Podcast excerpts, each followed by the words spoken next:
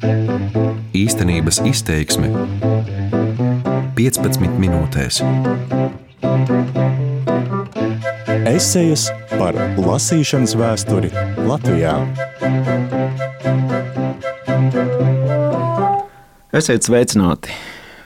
Esmu Viestures Zanders, Latvijas Nacionālās Bibliotēkas vadošais pētnieks par lasīšanas kultūru Latvijā 20. gadsimta pirmajā pusē.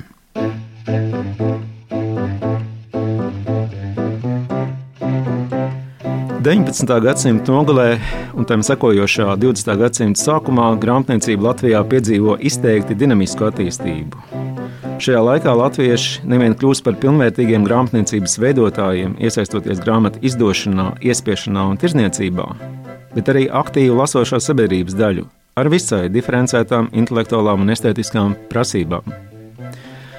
Lasītājiem tiek piedāvāti jauni, latviešu grāmatniecībā līdz tam nebijuši izdevuma veidi, kopoti raksti, almanahi, encyklopēdijas.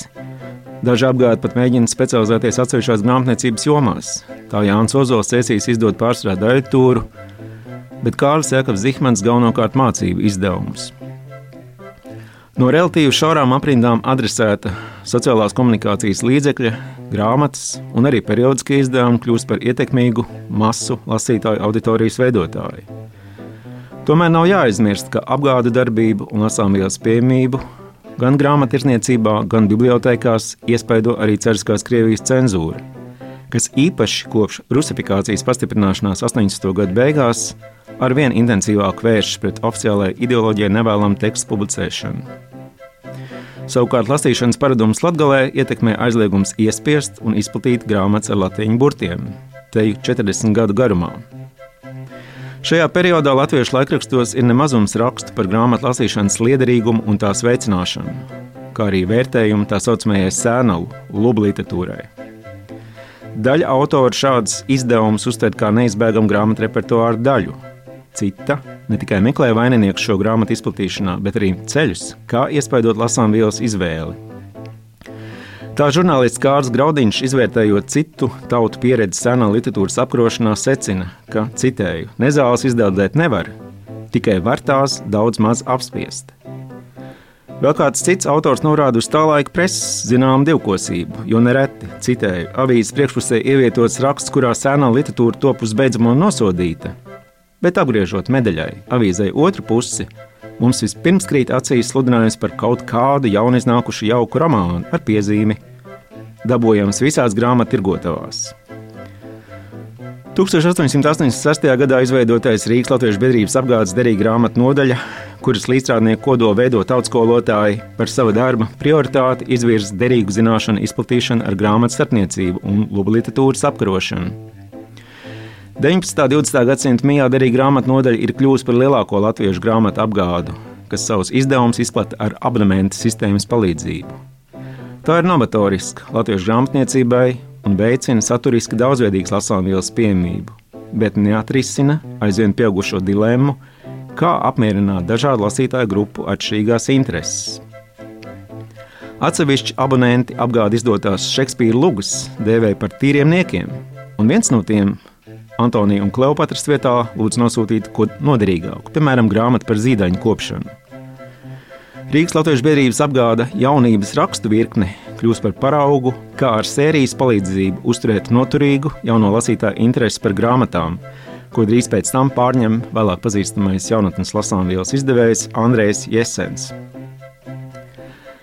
Rainis, kas detalizēti atreferē diskusiju par grāmatu izplatīšanu Cienīgas komisijas vasaras sapulcē 1903. gadā, atzīst, ka brīvbibliotēku darbību būtiski kavē ļoti ierobežotais cenzūras atļautu izdevumu skaits.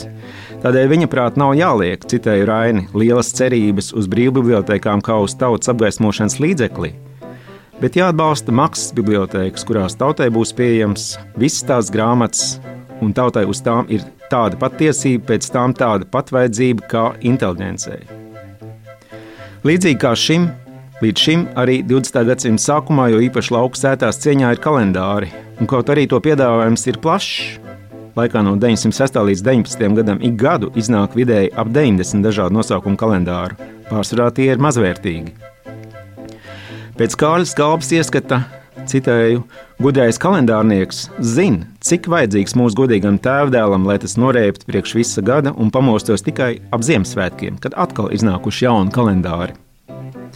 Tomēr viņa prāt, mums ir sava inteliģenta lasītāja publika, kur pāraugusi masas kūtrību un vienaldzību un nevar iztikt bez mākslas kā bez saules.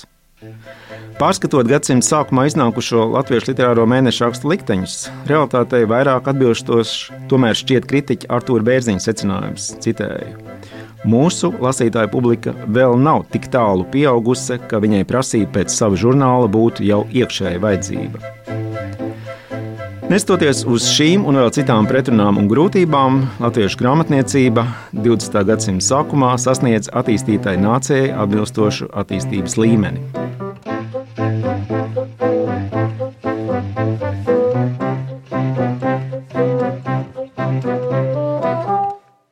Un tagad skatāmies tālāk uz priekšu, uz nākamo posmu.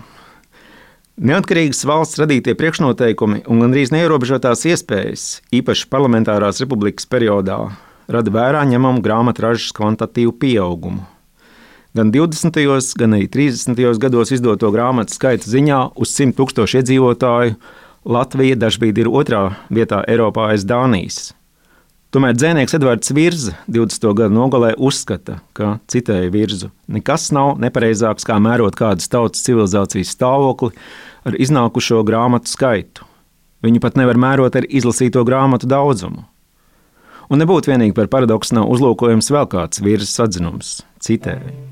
Bieži vien kāda grāmata iziet tūkstošos eksemplāru. Tikai pēdas, kuras viņi atstāja aiz sevis, ir ļoti niecīgas. Tas ir tāpēc, ka lasītāji ir bet viņi nemāca lasīt.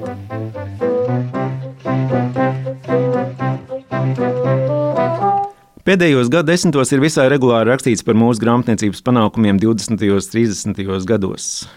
Vairāk gan izceļot produktīvākos apgādus, kā akcijas sabiedrība Walters un Rapa, Anša Gulbi un Jāņa Rozes apgādus, kā arī izdevniecība, kas devuši Latvijas grāmatu kultūrai starpkara periodā jaunu elpu. Šeit es domāju Helmāra Rudzīša grāmatu draugu ar grāmatām par vienu latu, vai arī augsta līmeņa mākslinieckās apdares kvalitāti.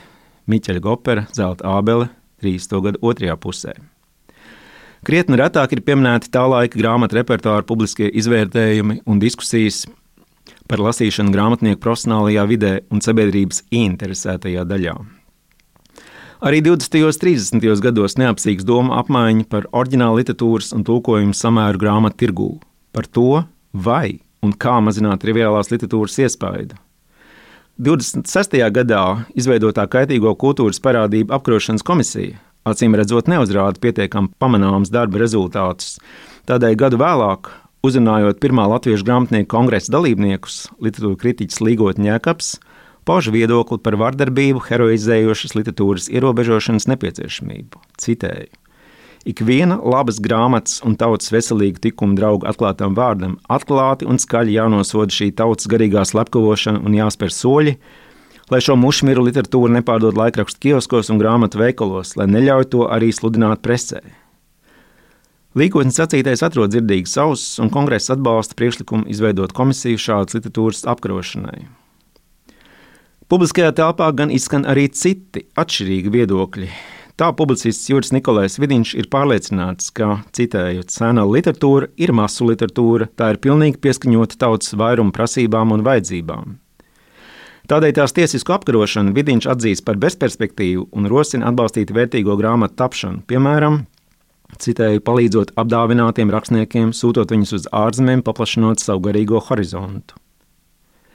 Pēc daudziem gadiem iznākušajās atmiņu grāmatās rakstnieki Iezups Laganovskis un Dagnija Zigmonta apraksta savu pusauģu vecuma lasīšanas pieredzi, un abi divi nenoliedz lubu literatūras pastāvēšanas tiesības. Pēc Laganovska domām, citēju, kaut ko var iegūt no vissliktākās grāmatas. Bet Zigmonta uzskata, ka laikmets jāņem visā tā sarežģītībā, jāizjūt tā smarža, un tas patiešām nevienmēr bašo pēc rozēm.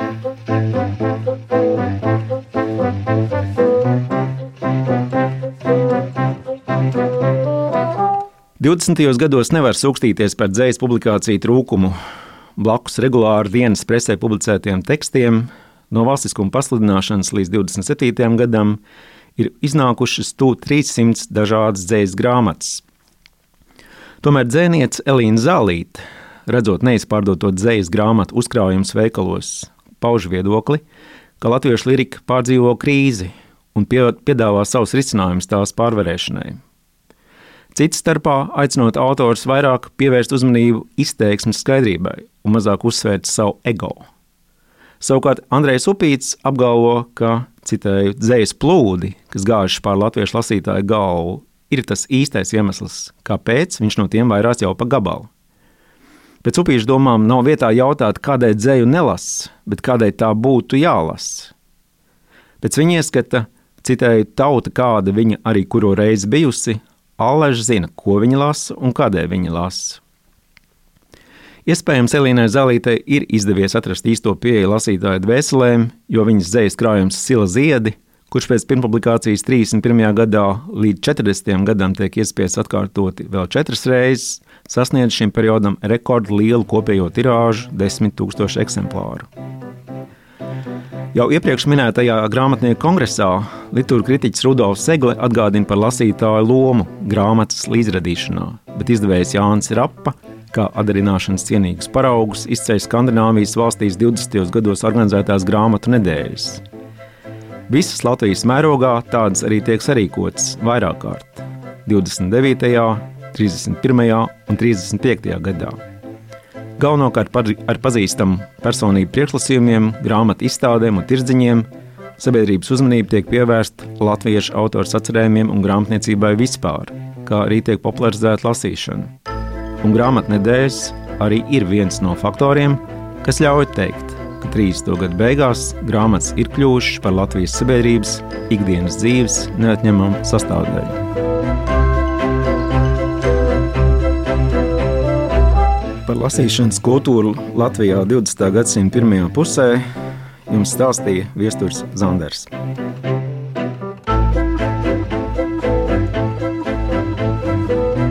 Īstenības izteiksme 15 minūtēs.